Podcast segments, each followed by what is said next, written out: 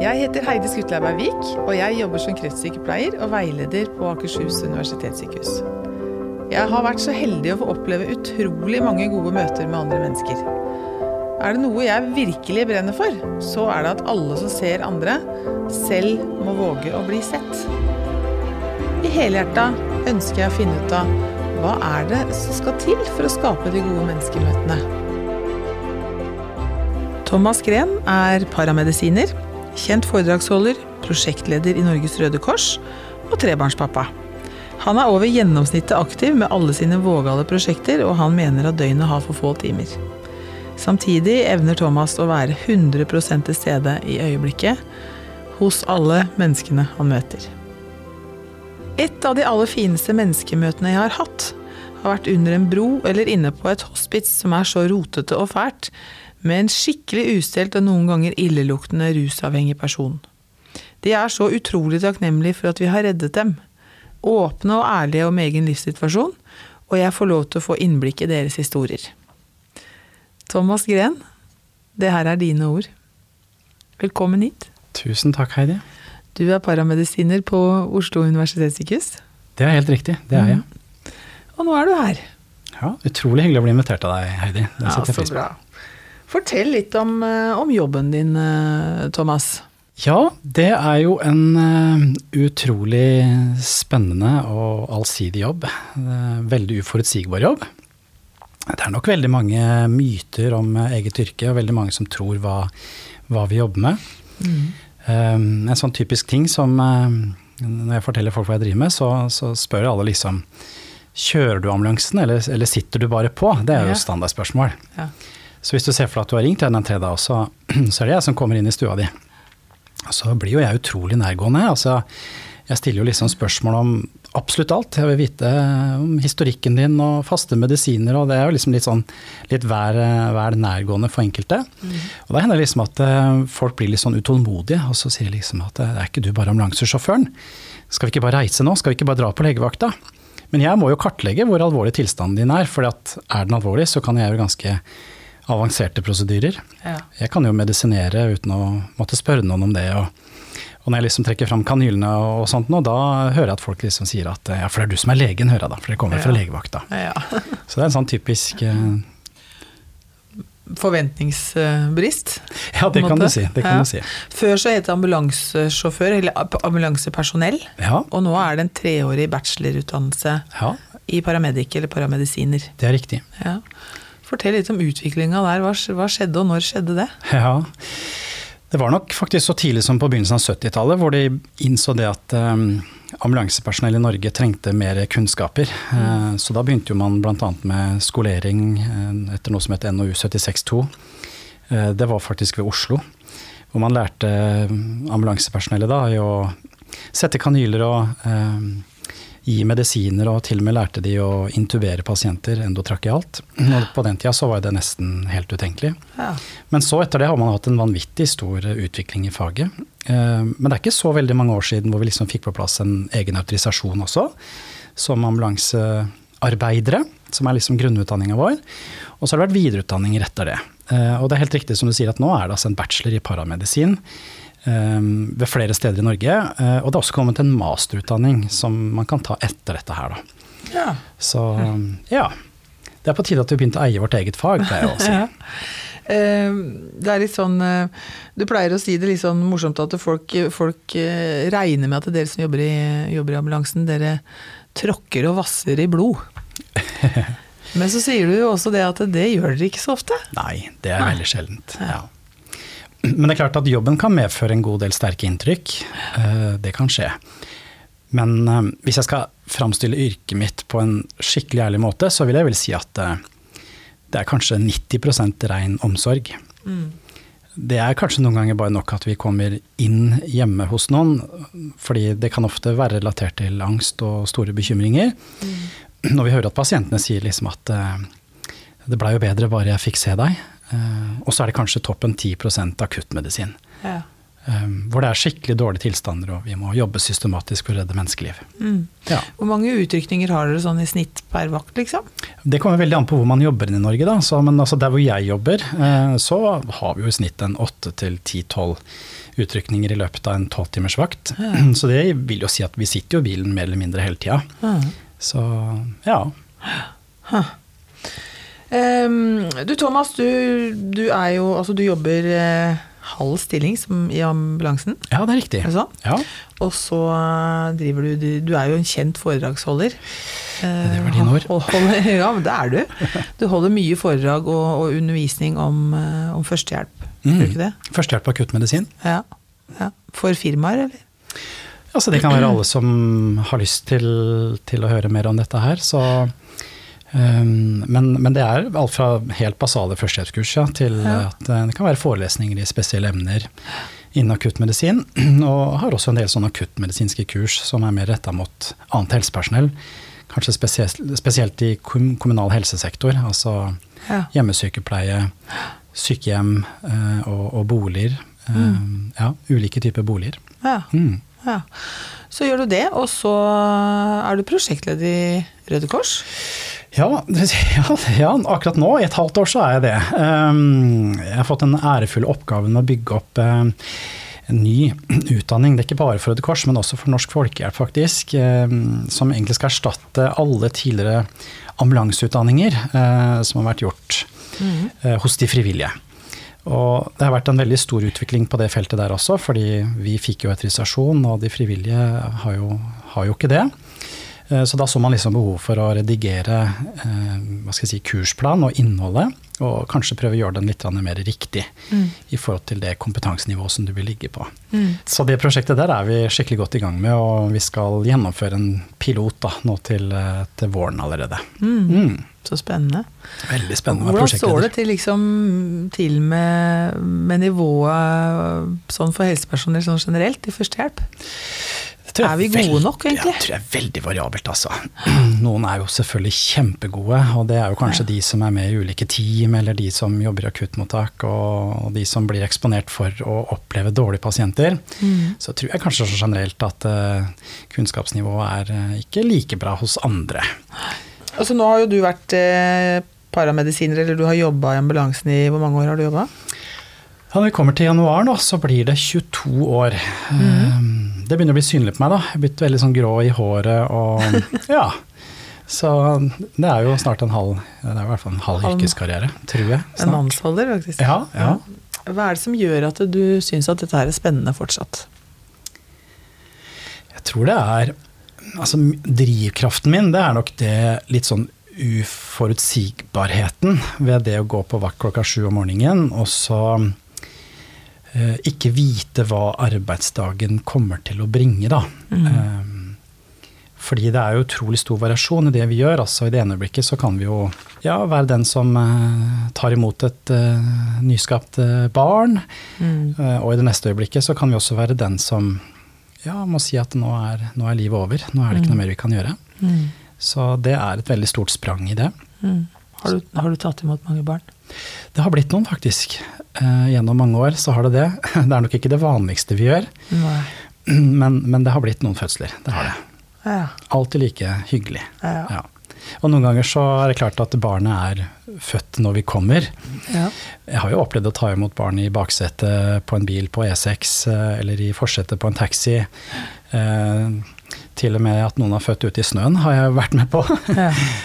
um, så, og jeg har til og med opplevd liksom, eh, fødsel altså, midt i Majorstukrysset i Oslo sentrum. Så, så dårlig tid hadde vi. Vi rakk ikke inn til sykehuset, altså. Så ja, det kan gå veldig fort. Spennende, ass. Ja. Men så er det jo det som du sier, at så kan du gå rett fra en fødsel, og så kommer du hjem til noen, og så er det død. ja. Eh, hvordan er det? Det er jo en, er jo en omstillingsprosess. Um, vi blir nok vant til det til en viss grad, vi også. Um, og så tenker jeg noen ganger at det er godt Altså jeg, jeg er glad for at de som venter på oss, ikke kjenner til forrige oppdrag noen ganger. Ja. Um, for det er noe med liksom at vi bør jo prøve å komme inn enhver ny situasjon eh, litt sånn nullstilt. Med den samme på en måte godheten, eh, omsorgen Mm. eh, og det samme vennlige sinnet. Um, uten at de egentlig helt kjenner til hva som eh, har skjedd rett forut. Ja. Mm. Det er nok ikke alltid like enkelt, men vi ja. gjør så godt vi kan, altså. Ja. Ja. Og så tenker jeg det er jo noe med det at når, når ambulansen kommer, da, Mm. eh, sånn sett ut fra oss som ikke er i ambulansen, Mhm. når dere kommer, så er det jo noe med at da forventer vi at det her skal være livredning. ja. Mm. Eh, og, så er det jo sånn, og jeg jobber jo med, med, med min gruppe pasienter, som Ja. er dårlige kreftpasienter. ja. Og ser jo at mange av de, mange av de er jo hjemme, og vi forbereder jo gjerne hjemmedød og, og sånn. Mm. Og så noen ganger så er det jo ikke helt forberedt enda, altså Vi har ikke kommet fram til dit at vi har fått forberedt det. Og så blir pasienten akutt sjuk og er dårlig. Og da er det at man kommer i sånne der grensetilfelle, da. Mm. Eh, hvor ambulansen kommer, hvor pårørende ringer ambulansen for, for pasienten har blitt dårlig. Mm. Eh, og så begynner man med gjenopplivning. Mm. Eh, for, fordi det er jo i utgangspunktet riktig, for det står ikke HLR minus eller det er Rent blitt satt- juridisk. Ja, Mm. det er et juridisk spørsmål. Mm. Eh, hvordan gjør dere de vurderingene der? Ja, men da har vi liksom glemt det etiske også, da. Vi skal bare snakke juss, og kanskje ikke så mye om etikk.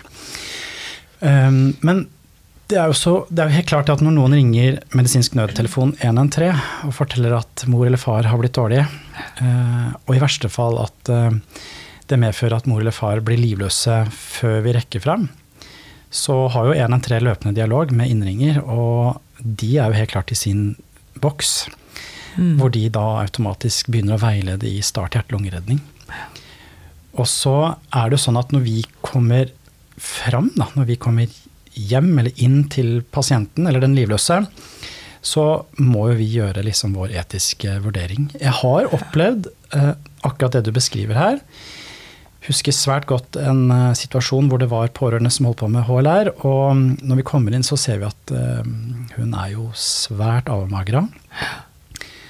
Um, men når noen holder på med HLR, så er det veldig sånn Man skal være forsiktig med å liksom avbryte der og da. Ja. Mm, Så vi tar automatisk over og fortsetter liksom forsøkene, og så veldig veldig raskt så spør jeg pårørende om det er sånn at eh, pasienten eller den livløse eh, har noen form for kreft, Ja. i og med at hun er så avmagret. Ja. Hvor de sier at ja, det, det har hun, hun har langtkommen kreft. Og så sier jeg at er det sånn at dere har forventa at, eh, altså at, det, at hun kom til å bli altså, ja kort forventa ja, levetid. ja, Mm. ja, dette har vi ventet på veldig lenge. Ja. Og så sier jeg at da syns jeg av etiske årsaker at det ikke er riktig at vi fortsetter. Ja. Og det var egentlig alle enig i. Ja. Men og, da, og og det har dere rett til å gjøre? Ja, det har vi. Ja. Men der og da så er det klart at de søkte jo råd. De ringte jo 113, de var fortvila, de visste ikke helt hva de skulle gjøre. Mm. Eh, Men det er nok veldig veldig vanskelig for 113-sentralen å vurdere det, hvis Ja. ikke det opplyses om det tidlig. Ja. Ja. Jeg tenker jo at det, det kan også handle om at de er utrygge i situasjonen på å være der når mor eller far eller den, den som er syk, dør. da. Mm. Og spesielt kanskje hvis ikke hjemmesykepleien eller kommunehelsetjenesten er, er kobla på ennå. Så kan det jo være at eh, Kan jeg tenke meg at, eh, at det kan være fort gjort å ringe dere. Er det mye av sånne telefoner? Sånn tryggings, tryggingsbesøk? Vi opplever nok eh, innimellom at eh, kanskje ansvarlig sykepleier på et sykehjem eh, syns det er vanskelig å gjøre vurderinga. Kanskje eneste sykepleier på hele huset. eh, Ja. Nattevakt.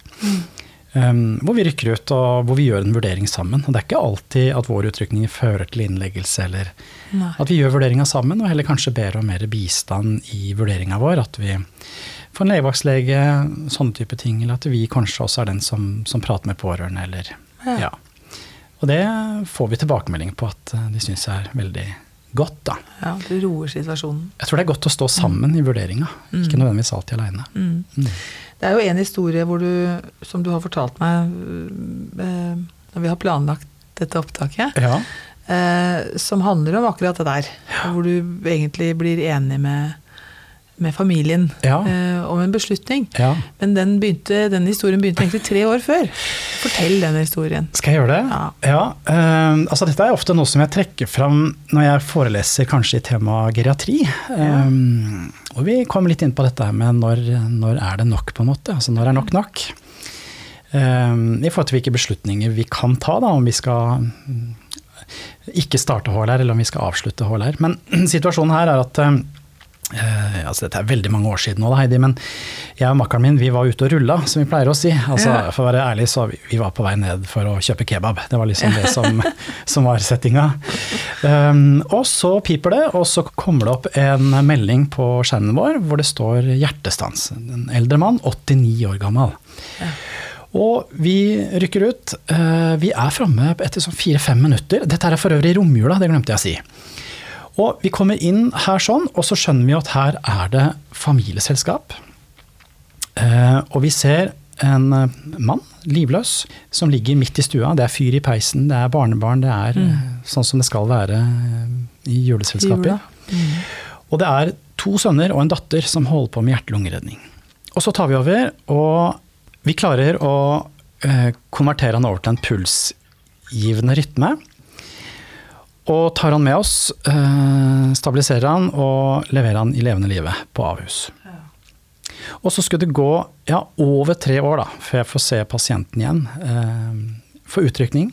Jeg kjenner igjen adressen, og jeg kjenner navnet. Og det er ny melding om hjertestans, og det er faktisk første og eneste gang altså, at jeg har vært på hjertestans på, på samme person. Ja. Nå er det sånn at eh, det er ikke noe familieselskap her. Så den eneste som er til stede når vi kommer inn døra, det er eh, kona hans. Og hun også er nok godt oppe i 90-åra. Nå er han også over 92 år. Eh, hun har ikke fysikk til å ha klart å gjøre noe særlig sjøl. Hun har fått lagt han litt sånn delvis over på siden etter veiledning fra 113. Um, og vi starter hjerte-lungeredning um, på vår avanserte måte og holder det gående ganske lenge. 20 minutter, 25 minutter. Og vi skjønner liksom at de forsøkene vi holder på med nå, det, det kommer ikke til å gi resultater. Og da er det jo sånn at um, vi velger å forberede pårørende uh, på det. Og da sier jeg til kollegaene mine at uh, vet du hva, jeg kan godt gå og snakke litt med kona. Og akkurat da så kommer, så kommer datteren inn døra. Mm. Og så håndhilser jeg på, på datteren, og jeg håndhilser på kona og presenterer meg. Og så sier jeg det egentlig rett ut sånn som det er, at eh, vi har holdt på noen runder nå, og dette virker jo veldig alvorlig. Vi er veldig usikre på om dette kommer til å gi resultater. Så jeg ønsker bare å forberede på at um, hvis ikke noe skjer nå snart, så, så kommer vi til å avslutte. Ja. Og så tar kona sånn ordentlig godt tak i hendene mine. Altså, det er litt sånn som eldre mennesker kan gjøre. Ja. Og så ser hun meg inn i øynene, og så smiler hun. Ja. Og så sier hun ja, men er det ikke du som, er det ikke du som var her forrige gangen også? Jeg sier at jo, det, det stemmer faktisk, det. det er riktig, det. Hun kjente meg igjen. og så sier hun til meg at vet du hva, hun var så takknemlig for den tida de hadde fått i etterkant. Hun forklarte meg at han hadde vært veldig dårlig sist. Han hadde ligget lenge på sykehuset. Han hadde vært Mm. Ja. flere måneder på sykehjemmet, det lokale sykehjemmet. Men så hadde de hatt det ganske bra etterpå. Mm. De hadde fått kjempegod støtte og hjelp av hjemmesykepleien. Og, men i det siste igjen nå så hadde den blitt dårligere og dårligere, og hun hadde sett for seg at dette her kanskje kunne skje igjen. Mm. Og så ser hun på meg og så sier at kanskje det er like greit. Kanskje han skal få lov til å slippe nå. Ja. Og så avslutta vi. Ja. Så liksom, litt av budskapet mitt da, når jeg underviser i den tematikken her, det er jo liksom at eh, det er nok ikke høy alder alene som som skal avgjøre hvorvidt vi starter hjerte-lungeredning eller ikke. Men det er liksom hele perspektivet rundt og grunnleggende tilstander og alt dette her. Denne helhetsvurderinga som vi gjør, som, som skal få bestemme det. Mm. Selvfølgelig med støtte fra et lovverk også. ja. Når er nok nok? Når er nok nok? Mm. Mm. Så fint. Ja. Jeg ble kjent med deg for ti år siden. Ca. ti år siden. Ja, er, ja, er det ikke lenger? Er det, er det Ti, jo? tolv? Ti, ti, ja. 10-11-12, og sånt. Da var det noe på TV3 som het Sykehuset. Ja. Ja. Og der var vi med begge to. Det var, var en vår- eh, realityserie fra, fra Ahus. Ja. Mm, eller gamle Sia og Ahus. ja. Ehm, der ble jeg kjent med deg. Mm. Og da ehm, Da hadde du bestemt deg for å bli med på denne serien av en helt spesiell grunn. ja. Fortell litt om det, Thomas. For det, det, fordi Grunnen til at jeg tar opp det, er jo egentlig det derre Det er ikke bare morsomt, alt som skjer med å jobbe i ambulansen. Dere, dere dumper oppi ting som er helt uforutsigbart. Ja, det, det er jammen sant. Ehm, det var jo en sånn lang prosess det der med å liksom eh, melde seg på, eller ehm, Det var liksom den castinga de prøvde å få tak i folk som skulle være med på dette her. Mm. Men det, min innerste motivasjon det var det at jeg ønska å vise Norge hva jeg og kollegaene mine holdt på med. Mm. Kanskje fordi at uh, rett i forkant av den saken, eller episoden der, så, så var det jo en litt uheldig uh, sak fra Oslo, Sofienbergpark-saken. Ja. Og den jeg, jeg, var jo ikke involvert i den saken der. Og bare sånn kort, var det den handla om igjen? Det var jo en person som hadde en, en hodeskade ja. i Sofienbergparken, som ble etterlatt, eller av mine kollegaer. Ja. Um, som i ettertid viser seg å kanskje ikke være helt framstilt gjennom media, og um, veldig mange uheldige episoder. Ja. Jeg har også dessverre fått kjennskap til, til hvilke store konsekvenser det også hadde for, for kollegaene mine. Kjempetrist, mm. egentlig. Mm. Mm. Men som ambulansepersonell da, så blei man sett veldig ned på. Ja. Um, så jeg ønska på en måte å formidle og vise liksom litt av den omsorgen som, som, er i oss når vi går på jobb. Mm vi er liksom ikke bare store og tøffe og raske og superflinke, men vi er også mennesker oppi dette her. Mm. Mm. Um, og mener absolutt at kollegaene mine på samme måte som meg sjøl er like omsorgsfulle i, den, mm. uh, i, det yrket som vi utøver. Mm. Hender det at du er redd på jobb? Det vil jeg ikke si. Uh, det kan hende at det slenger litt på glatta kanskje med ambulansen, men Men ikke sånn at, eh, ikke sånn at jeg blir redd. Eh, eh, at jeg kan være usikker, ja. At jeg tør å vise usikkerhet. Kanskje noen ganger. I hvert fall i sånne vanskelige vurderinger. Faglig sett så tror jeg ikke jeg er så veldig redd. Jeg har stort sett alltid en plan A, og veldig ofte en plan B. Mm. Og så er det noe med at gjennom en lang karriere så har man jo sett og opplevd så utrolig mye. Så man har liksom gode tanker om hva man skal gjøre. og og ikke minst veldig gode behandlingsmuligheter. Altså, vi er jo et lite rullende sykehus. Mm. Sånn at, eh, men det er klart, eh, det kan jo også være at man kommer utfor situasjoner hvor man kan bli trua, eller eh, Ja, det er det jeg tenker litt, da. For dere, dere, blir jo ringt til, og dere kommer hjem i alt fra flotte, nye hjem mm. med, i ressurssterke familier til, til, litt mindre ressurssterke områder og strøk og familier. Og, ja. Kan det være skummelt, liksom? Det som kan være skummelt med det, er at du kan gå inn i et flott hjem, som du sier. Ja. Og så kan det være at det er der trusselen skjer, ja. og så er du ikke forberedt på det. Skal det sies da, Heidi, at jeg, det er ekstremt sjelden at jeg opplever det mm. på jobb. Um, og det er jeg veldig glad for. Um, årsaken til det kan jo ikke jeg stå her nå og si, men jeg tror generelt at vi er litt menneskekjennere, og vi er gode på kommunikasjon. Og veldig ofte så får vi høre liksom eh, at eh, når ambulansepersonellet kom inn døra, så mm. var dere liksom så rolige. Ja. At det, det smitta veldig lett over. For det er klart at eh, hvis du er mor eller far, noe har skjedd med barnet ditt, så mm. det stresset der, det kan fort skape aggresjon. Og da er det veldig godt at noen kommer inn og tar over kontrollen litt. Ja. Men samtidig spiller på lag. Ja. Det skal ikke være at vi liksom tar over og og styrer. Eh, vi må ha liksom dialogen, og vi må involvere alle som, ja. som, er med. Hva tenker du er din aller viktigste egenskap for at du gjør en god jobb? Oi, den var vanskelig. ja, min viktigste egenskap altså, det, er, det, må jo være en kombinasjon av utdanninga mi, erfaringa mi og kanskje øh, den personen jeg har utvikla meg til å bli da, gjennom mange, mange år. Mm gjennom masse menneskemøter, pasientmøter. Um, ja, man har lært seg å, behandle folk på en god måte og en uh, oppriktig måte. Mm. Og så tror jeg sånn rent personlig at jeg Og jeg er veldig fokusert på det, at jeg skal behandle alle med den samme respekten. Du innleder jo med å fortelle uh, om mine pasientmøter. Mm hvor jeg har kanskje en, en, eh, overdose hos en rusavhengig under en bro, som var, som var eksempelet. Og, og, jeg mener jo ærlig og oppriktig at den fortjener jo nøyaktig like god behandling som en som bor i et møblert hjem, mm. sånn sett. Det er så viktig. På samme måte som at vi kan også komme inn på en avdeling og skal hente frøken, uh, eller fru, mm. Eva Pottesur Hansen. Ja. uh, Mens i det andre blikket så skal vi liksom hente verdens søteste, hyggeligste menneske. Mm. Men jeg tenker ofte at kanskje hun har en grunn til å være litt sur og bitter. Mm. Kanskje hun er litt bitter fordi livet har utvikla seg den retningen som det har. Kanskje hun hadde egentlig helt andre planer. Ja. Så det er på en måte noe bare å stå i det, prøve å være profesjonell. Mm. Som sikkert er utfordrende for, for mange. Ja, og så være heller litt nysgjerrig hvis, du, hvis man må være såpass lenge i møte med Potte, fru Pottesur Hansen at man kan spørre. Mm. Prøve å få til en dialog. Ja, Mm. viktig, altså. Mm. Du forteller jo mange møter som, har, som er spennende, og som er utfordrende på en god måte, og alt dette her, men jeg vil jo tro at noen av dagene på jobb er innmari tøffe. Hva, hvis jeg spør deg om det, hva er det, altså, hva er det mest utfordrende du tenker med jobben? Hvilke dager er de verste, liksom? Ja, det er veldig vanskelig å peke på de dagene der, tror jeg. Um, jeg har tenkt at litt av styrken da, med å jobbe i ambulansetjenesten er at um, vi veldig sjelden kjenner pasientene våre.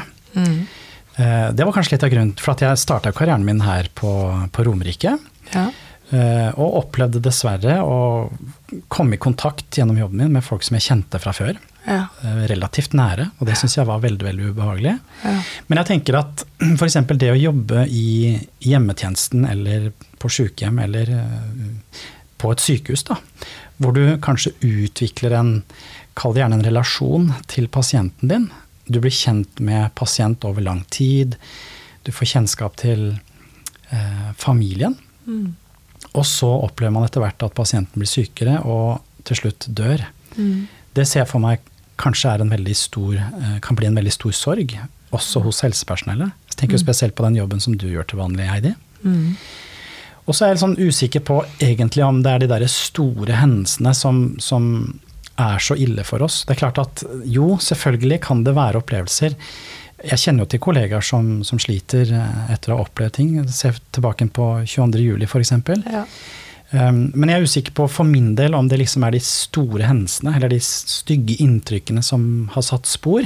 Men jeg tror kanskje ofte at det er mer sammenhengen Eller det er på en måte alle de små inntrykkene over lang, lang tid da, Ja. som kanskje er med på å prege oss. Som kan etter hvert bli utfordrende. ja. For eksempel, hva, kan det, hva tenker du da? Ja, Det kan være sant, eh, inntrykkene der og da. Den kvinnen som skrek. Ja. Hvordan det luktet i det hjemmet der. Mm. Du får sånne flashbacks. det barnet som var litt blålig. Ja. De fortvilte foreldrene om og om og om, og om igjen. Dette her blir jo liksom som mange, mange mange dråper med vann. Ja. Og til slutt så kan det renne over. Mm. Og da tenker jeg at det Har dere veiledning? Debrief? Ja, vi har det. Men de tar nok mest tak i de store hendelsene. Mm. Vi har noe som heter EFOK. Emosjonell førstehjelp og krisehåndteringsgruppe, som er veldig organisert. Der var liksom ambulansetjenesten veldig tidlig ute med det. Så bra. hvor vi har vært med på større hendelser, så, så får vi en henvendelse. Da er det kanskje innsatslederen vår eller at det er 113-sentralen som varsler denne tjenesten, og så blir vi ringt, og så tar vi en samtale der og da. Og ved noen anledninger så møtes vi. Eh, Da er det gjerne pizza, og så går liksom praten løst, og så er det litt mer strukturert gjennomgang etterpå, og så blir man fulgt opp. Ja.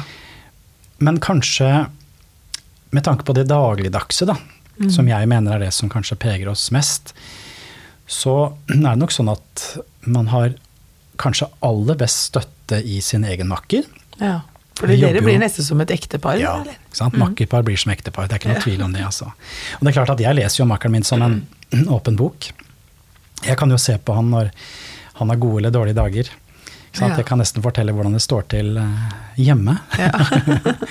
Så det er på en måte en, en styrke, tenker jeg. Så man prater jo veldig ofte sammen i bilen etterpå. Eh, Men så er det klart at man er også utrolig avhengig av å ha gode relasjoner på jobb generelt. At det er et godt og et trygt arbeidsmiljø. At det er på en måte folk som backer opp hverandre og støtter hverandre, og at det er raushet og åpenhet for å kunne prate sammen om, om absolutt alt. For jeg tenker at Hvis det er motsatt, hvis du jobber i et miljø du er usikker på, hvor du kanskje har kollegaer som går bak ryggen din, eller, så tenker jeg at da må jo belastninga bli dobbelt så stor. ja. Eh, Klart det. Det er utrolig skadelig på sikt. Ja. Det er jo viktig uansett at man støtter hverandre som når vi jobber i helsevesenet. Vi Ja. jobber med andre mennesker, så trenger vi å ha Ja. gode kollegaer rundt oss. Helt klart. Mm. Helt klart. Men du har jo, du har jo tre egne barn. Ja, Ja. det har jeg. ja. De, hvor gamle er de? Oi. Du, Andrea hun er 17 år. Vet du, Andrea hun flytta til, eh, til England i, i høst. Ja. Studerer et år. Og Og pappa har kjærlighetssorg. Altså, vet du, Det er liksom sånn det føles, altså. Det er den, det jeg kan huske tilbake fra sånn kjærlighetssorg. Sånn oppleves det. og så har jeg jo da eh, to barn til. Mathilde på sju og Theodor på tre år. Og Ja. de er altså De er jo de flotteste, viktigste, skjønneste. Altså, de er jo absolutt alt. Selvfølgelig med kona mi, Silje. Ja. ja. Og du er sånn hyper, du er hyperpappa. Instagram-kontoen din heter ikke den hyperpappa? Jo. Så du er like, like du er like gæren som ungene dine? Ja, altså Jeg er generelt veldig aktiv, da. Eh, Det må jeg kunne si. Jobber mye, men jeg er også veldig opptatt av å få mye ut av fritida mi. Mm. Så det blir eh, mye løping i marka, det er padleturer med kajakk, det er lange gåturer over flere dager i fjellet og randonee om vinteren. Mm. Så mm, det er liksom blitt en sånn lidenskapelig ting for meg. Det er en måte å, avreagere på, liksom? Jeg tror liksom at eh, når jeg holder på med det, så er det for meg litt sånn meditasjon. Mm. At da går jeg liksom litt inn i meg sjøl og tenker mye og plasserer tankene mine. Og, Mm. eh, det gir meg veldig mye overskudd og energi, da. Mm. Så eh, for meg er det en viktig del av eh, mitt liv. Det skal jo sies at jeg har jo vært eh, altså jeg var gift for andre gang. Mm. Jeg var veldig tydelig på det overfor Silje når jeg traff henne for noen år siden, at sånn er jeg. Ja. Sånn. Dette er mine behov, og så var hun veldig tydelig på hva som var sine behov. Og det, hun er utrolig raus med å gi meg tid for meg sjøl. Så mange, mange flotte turopplevelser. ja, så bra. Mm. Mm. Um, men jeg tenker på i forhold til at du har tre barn, da. Ja. Så er det noe med at du, du eh, Du har jo Det er ikke så veldig lenge siden at du, at du hadde en uh, artikkel i en avis, tror jeg det var, som, Ja. uh, hvor du, hvor du snakka ganske mye om dette med drukning. ja, det stemmer. Uh, for jeg tenker jo, når, du, når man har egne barn, Mm. så er det noe med det å altså, tenker du på, Blir du redd for dine egne barn innimellom? Når du, for du møter vel ganske mange barn som er ute for ulykker òg? Heldigvis så blir man jo litt mer avslappa med alderen. Eh, men jeg husker veldig godt uh, når jeg som nybakt pappa, hvis du kan kalle det det uh, Jeg husker dette også er veldig mange år siden, da, i og med at eh, Andrea nå er 17 år. Men, men jeg husker veldig godt en drukningssak, ja. eh, som heldigvis gikk veldig bra. Men liksom den første reaksjonen etter det, fordi at det barnet var da nøyaktig like gammelt som Andrea var, det første jeg måtte gjøre da, det var liksom ringe hjem. Bare sjekke at allting var i orden. Så det er nok litt sånn for oss helsepersonell, tror at vi lett kan identifisere oss eller familiemedlemmer inn i det som vi opplever. Um, så det er klart at uh, etter at man har blitt pappa, så, så handler man litt annerledes. Man reagerer litt annerledes. Og man går nok litt mer inn i situasjonen, tror jeg, enn før jeg hadde egne barn. Ja. Ja. Em, I forhold til det med drukning, da, så, er- så det jo sånn at eh, man nå For den, dette kan jeg ingenting om, så jeg er veldig nysgjerrig på dette her. Eh, jeg veit ikke hva det heter heller, men det er altså En ting er å drukne. eh, du drukner der og da, ja. liksom. Og Og, det er ofte så blir du bare borte. ja.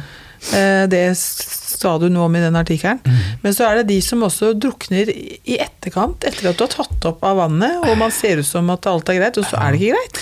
Ja, eller det kanskje viktigste for meg å fokusere på i den artikkelen, det var jo det at når, foreldrene er på badeplassene med barna sine, så må man liksom aldri slippe de av syne, for at det går veldig, veldig raskt. Og så blir de jo borte, og det går så utrolig fort. Um, men når man liksom da, når det har skjedd, da, når noen har drukna, og de tas opp og de er livløse, så skal man starte hjerte-lungeredning. Ja. Og selvfølgelig få tak i hjelp så tidlig som mulig. Og så har det nok vært litt bitte grann hysteri rundt det der med det som man har omtalt som sånn sekundær drukning. Sekundær drukning Ja, heter det. Ja, det var ordet du leita etter. Ja. og det, dette kom liksom opp for noen år siden, altså, hvor det var eh, Jeg har skrevet om dette på et eller annet sånt forum på nett. Ja. Så det tror jeg medførte at det var eh, knapt et barn som fikk lov til å bade den sommeren for eh, tre-fire år siden. Denne podkasten heter Helhjerta, og den handler om menneskemøter. De gode menneskemøtene. Mm. Uh, har du en sånn historie om et godt menneskemøte du har lyst til å fortelle lytterne våre? Jeg skulle fortalt om alle de gode menneskemøtene som vi har, for det er jo så veldig, veldig mange. Men om det kanskje er liksom en ting som jeg fikk anledning til å tenke på før jeg kom hit, da, så er det vel spesielt én. Og det er om en mann eh, som bodde på sykehjem. Vi fikk det som en akuttur, melding om hjerneslag. Og vi skjønner jo ut av de informasjonene som vi får på skjermen vår, at eh, han er nok ganske marginal. Mm. Veldig, veldig gammel. og med masse, masse tilleggskomplikasjoner. Mm. Så um, tar vi med oss alt utstyret, vi har med båren vår, og vi kommer inn på avdelinga og marsjerer inn på rommet. Og da ser vi at pasienten ligger i senga. Og så ser vi en uh, kvinnelig sykepleier som um, steller pasienten sin, liksom grer håret hans og Ordner til dere skal hente den, liksom? Ja, og liksom mm. Og vi liksom fortsetter å marsjere inn i rommet, og det er liksom en sånn merkelig atmosfære inni der. Det er veldig sånn ro, velbehag. Vi er veldig fokusert, har nesten litt sånn tunnelsyn når vi kommer inn. Mm. Og så um, tar det seg liksom tid til å gå ned og finne fram en flaske med aftershave. Oh. Og sprayer det på halsen hans. Mm. Og han var velstelt, og han så veldig fornøyd ut. Og så spør vi om rapport, og hun forteller om situasjonen og når det debuterte. Og vi ser jo at han, han er, har skjevheter. Sterke skjevheter i ansiktet. Hele den ene siden hans var fullstendig paralysert. Mm. Han hadde ikke språk lenger. Og så virker det på meg som at de to her har en så god relasjon. Mm. De, de har liksom en sånn god kjemi, da.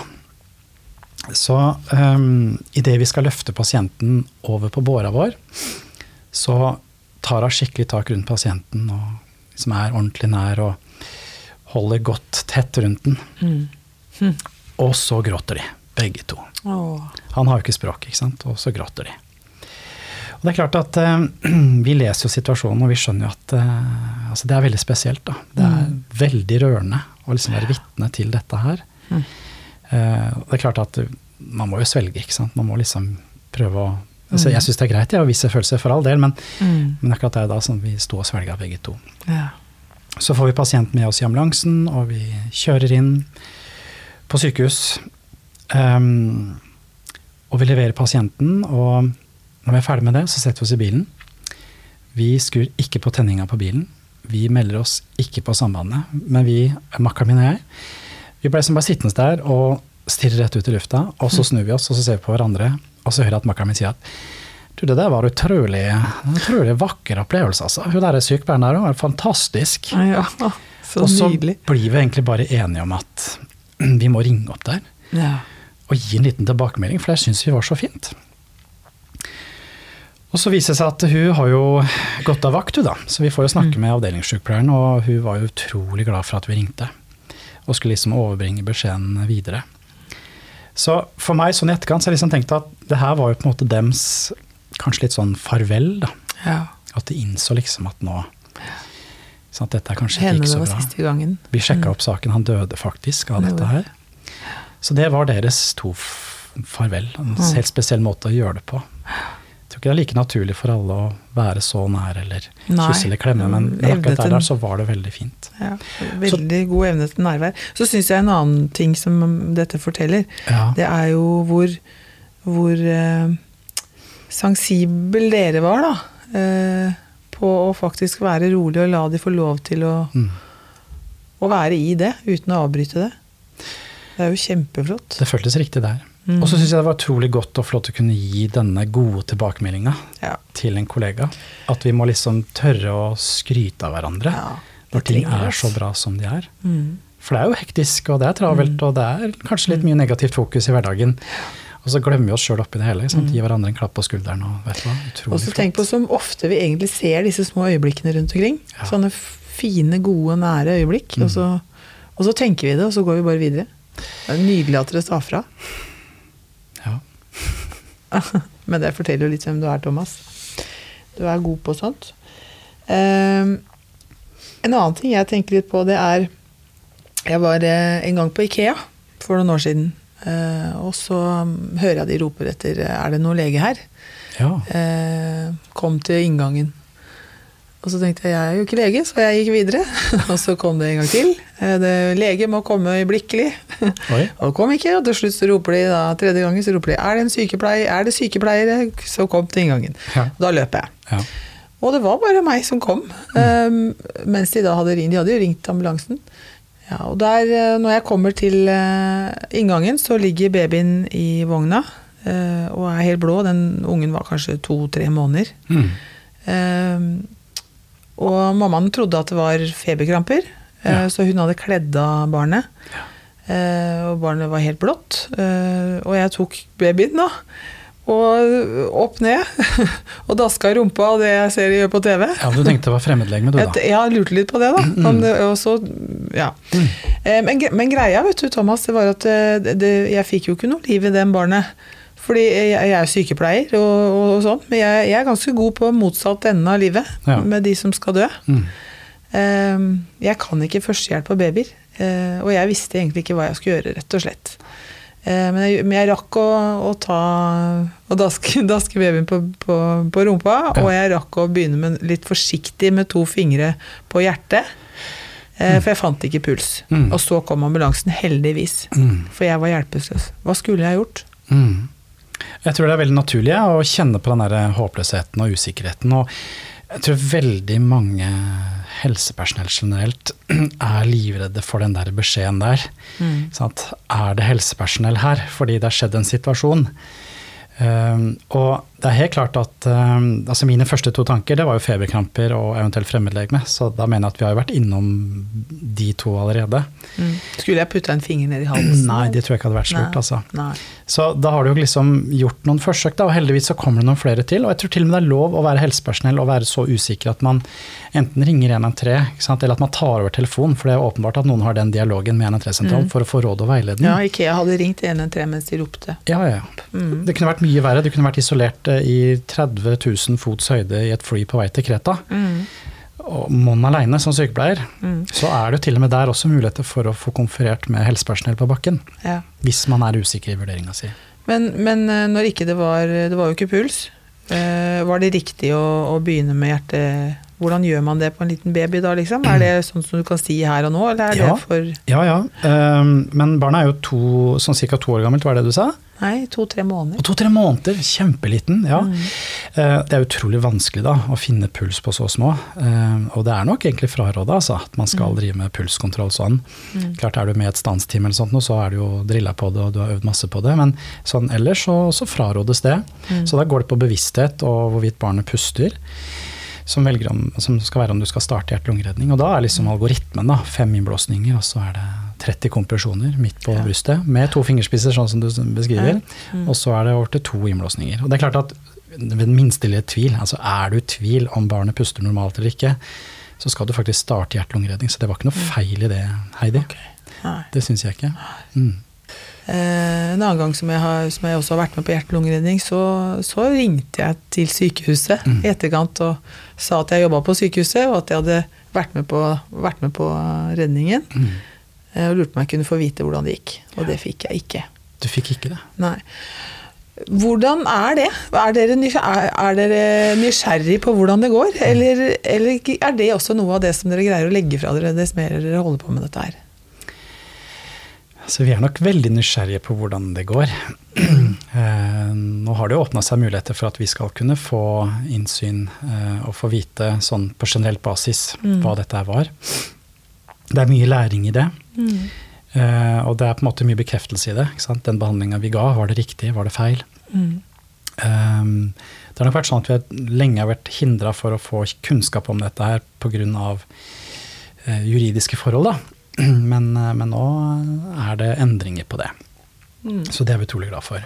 Men det er jo veldig problematisk at folk som har vært på et skadested, eller folk som har opplevd en sånn situasjon som du beskriver, ikke har anledning til å søke mer informasjon i etterkant. Ja. Kanskje det burde vært et apparat. Kanskje man skulle hatt en sånn type ringetjeneste. Du kunne Ja. ringe hit, og så kunne de innhenta tillatelse fra pårørende Mm. til å dele dette her med deg. Det hadde vært eh, helt supert.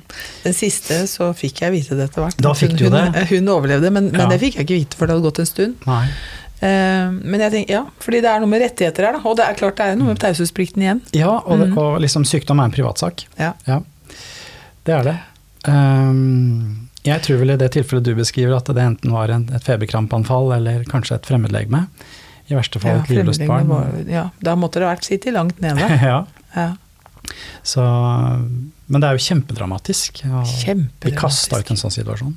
det er det. Ja. Så man trenger jo nesten litt ivaretakelse som vitne til, eller Ja, altså, ja. ja rett og slett. Mm. Eh, men ja.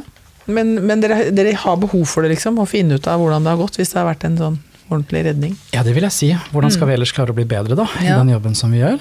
Mm. Syns det er kjempeviktig. Ja, Ja. så bra. Eh, Thomas, hva var motivasjonen din for å bli paramedisiner? Hvorfor blei det akkurat det? Oi.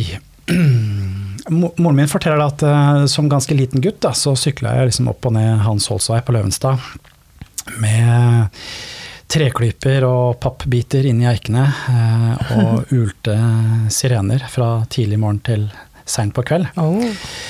Um, men altså, på et ganske tidlig stadium så valgte jeg å bli med i et sånt lokalt uh, hjelpekorps. Uh, så det ga nok liksom den gryende interessen for førstehjelp og akuttmedisin. Um, ikke var jeg spesielt skoleflink heller, men liksom litt sånn seinere så valgte jeg et uh, karriereskifte. Ja. uh, og tok denne utdanninga her.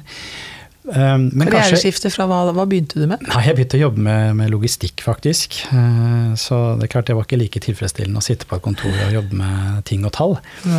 Men, men eh, jeg tror kanskje at den aller mest grunnleggende eh, Altså motivasjonen, det var jo det at eh, jeg var veldig mye sjuk som liten. Altså jeg har jo medfødt et handikap som, eh, Å, som egentlig ingen kan se. Jo, du kan se det når jeg tar av meg skjorta. Så, så sannheten var at uh, når jeg ble født, så var spiseøret mitt da uh, Usofagus, det var vokst inn i, uh, i luftrøret. ha? Altså noe som heter usofagus atresi. Uh, Så jeg var veldig stor del av barndommen min på Rikshospitalet. Oi. Um, og det var liksom eh, alt fra altså, altså, Jeg satt jo fast mat, da, for at jeg har jo en del av sofagus. Altså, der er det jo ikke peristaltikk, altså det er liksom ikke noe muskulatur der. Så da jeg var liten med delvis små veier, så satt jeg jo mat fast når jeg spiste. Og da måtte jeg inn på Rikshospitalet, og det var full narkose, og det var utblokking, som det het. Altså at man ja, fikk det opp eller ned, da. Noen, noen ganger så, så blei man jo liggende der litt. Én, to, kanskje tre dager. Eh, Og foreldrene mine også hadde jo jobber. Og jeg husker liksom så innmari godt den der omsorgen som var på barneavdelinga på gamle Rikshospitalet. Ja. Eh, og det var eh, Fra sykepleierne? fra sykepleierne, fra legene. Det var, det var liksom omsorg. Og det var egentlig ikke noe nedtur å være der. Det var egentlig ganske trygt og godt å være barn aleine på et svært, ukjent eh, sykehus. Masse å Ja. holde på med og mye spennende aktiviteter. Så det ser jeg tilbake som en sånn god tid da, i livet. Ja. Så heldigvis så har jeg ikke vært så plaget uh, i større alder, så jeg har egentlig ikke vært og blokka ut siden ja, siste gang var jeg var seks år, tror jeg. Ganske sjeldent tilstand? Ja, det er en ekstremt sjelden tilstand, ja. Det er det. Og jeg har nok vært en av de heldige, altså, så det har gått veldig, veldig bra. Ja. Fått i meg nok mat også, så det har gått veldig fint. Men det var en av grunnene til at du valgte å begynne som eh, i helsevesenet. Jeg hadde lyst til å jobbe med mennesker, da. Ja. Syns at det ga større verdi enn å jobbe med tall og ting. Mm. Mm. Det var mitt valg. Hva er det som motiverer deg videre nå?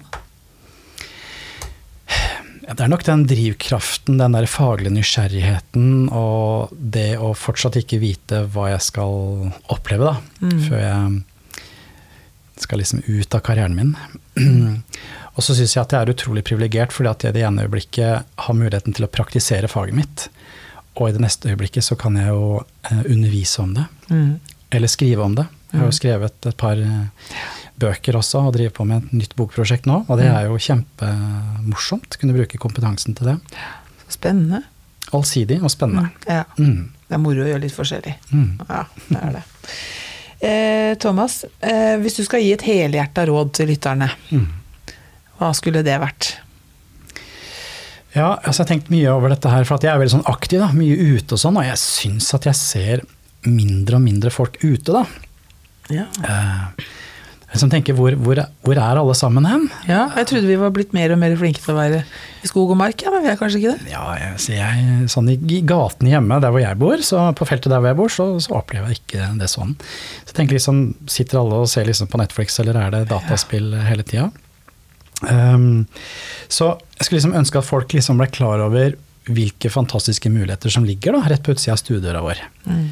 Ikke minst altså, opplevelsene i natur, eller bare en fin tur i en park. Men liksom at vi kanskje Eh, løfter blikket litt opp fra mobilen også, for det er litt komisk når man kjører forbi en bussholdeplass eller man sitter på et tog. altså Det er jo ikke mulig å få blikkontakt med noen som helst. Bare liksom opp med blikket, liksom si hei. Eh, kanskje gi et lite smil. Eh, kanskje tørre å snakke med mennesker som, som uh, ja, kanskje kommer fra litt uh, andre kår enn oss sjøl. Ja. Kanskje en som ser litt rusavhengig ut. Det kan være liksom at det kan bli en av de flotteste menneskemøtene noensinne. Mm. Vi må begynne å bry oss mer. Ja, være litt ja. mer rause med hverandre, litt mer åpne. Mm. Kanskje en nabo som du ikke har snakka med. Liksom, det kan jo være at han er kjempeensom. Så um, det skulle jeg ønske. Altså at man må komme seg litt ut og opp med blikket og leve livet. Mm. Det tror jeg er viktig. Også i relasjon til andre mennesker. Mm. Veldig, veldig, veldig bra. Jeg er uh, så enig i det rådet der. Ja. Hvis du skulle gitt deg sjøl, sånn helt til slutt, et råd tilbake til da du var 18 år, da. Tilbake til jeg var 18 år. Um, ja, hvor var jeg da? På et veldig annet sted enn i dag, i hvert fall. Så jeg skal ikke si at jeg angrer på noe som har skjedd i livet mitt uh, fram til nå. Det gjør jeg virkelig ikke. Uh, men jeg fortalte at jeg var jo, eller er jo skilt og gift på nytt. Så kanskje det måtte være liksom å ikke binde seg for tidlig. Mm. Uh, kanskje det egentlig burde vært en aldersgrense på når det er lov til å inngå et ekteskap. ja. Kanskje ikke 18 år, kanskje det burde vært 30 år. Ja, Var du 18? Nei, altså, nei da, jeg var, jeg var, eldre enn det. Men liksom, man utvikler seg utrolig mye, altså. Fra liksom ungdomstid, og kanskje man egentlig ikke er ordentlig voksen før 30. Mm. Og noen kanskje ikke engang da. Mm. Kanskje enda litt seinere. Vent litt, ikke ha så dårlig tid, da. Nei. Det er det veldig mange sier. Jeg tror det. Vi må vente litt med det meste, egentlig. Vi har mm. ikke dårlig tid. Som regel ikke. Som regel ikke. Nei. Thomas, tusen, tusen takk for at du kom hit på besøk i Helhjerta. Det var veldig, veldig fint å ha deg her. Det utrolig hyggelig å komme, altså. Fantastisk. Mm. Helhjerta er en podkast fra Kompetansebroen. En digital plattform for samhandling og kompetansedeling i helsetjenesten. Personer som blir omtalt i pasienthistorier, er enten anonymisert eller har gitt samtykke til deling.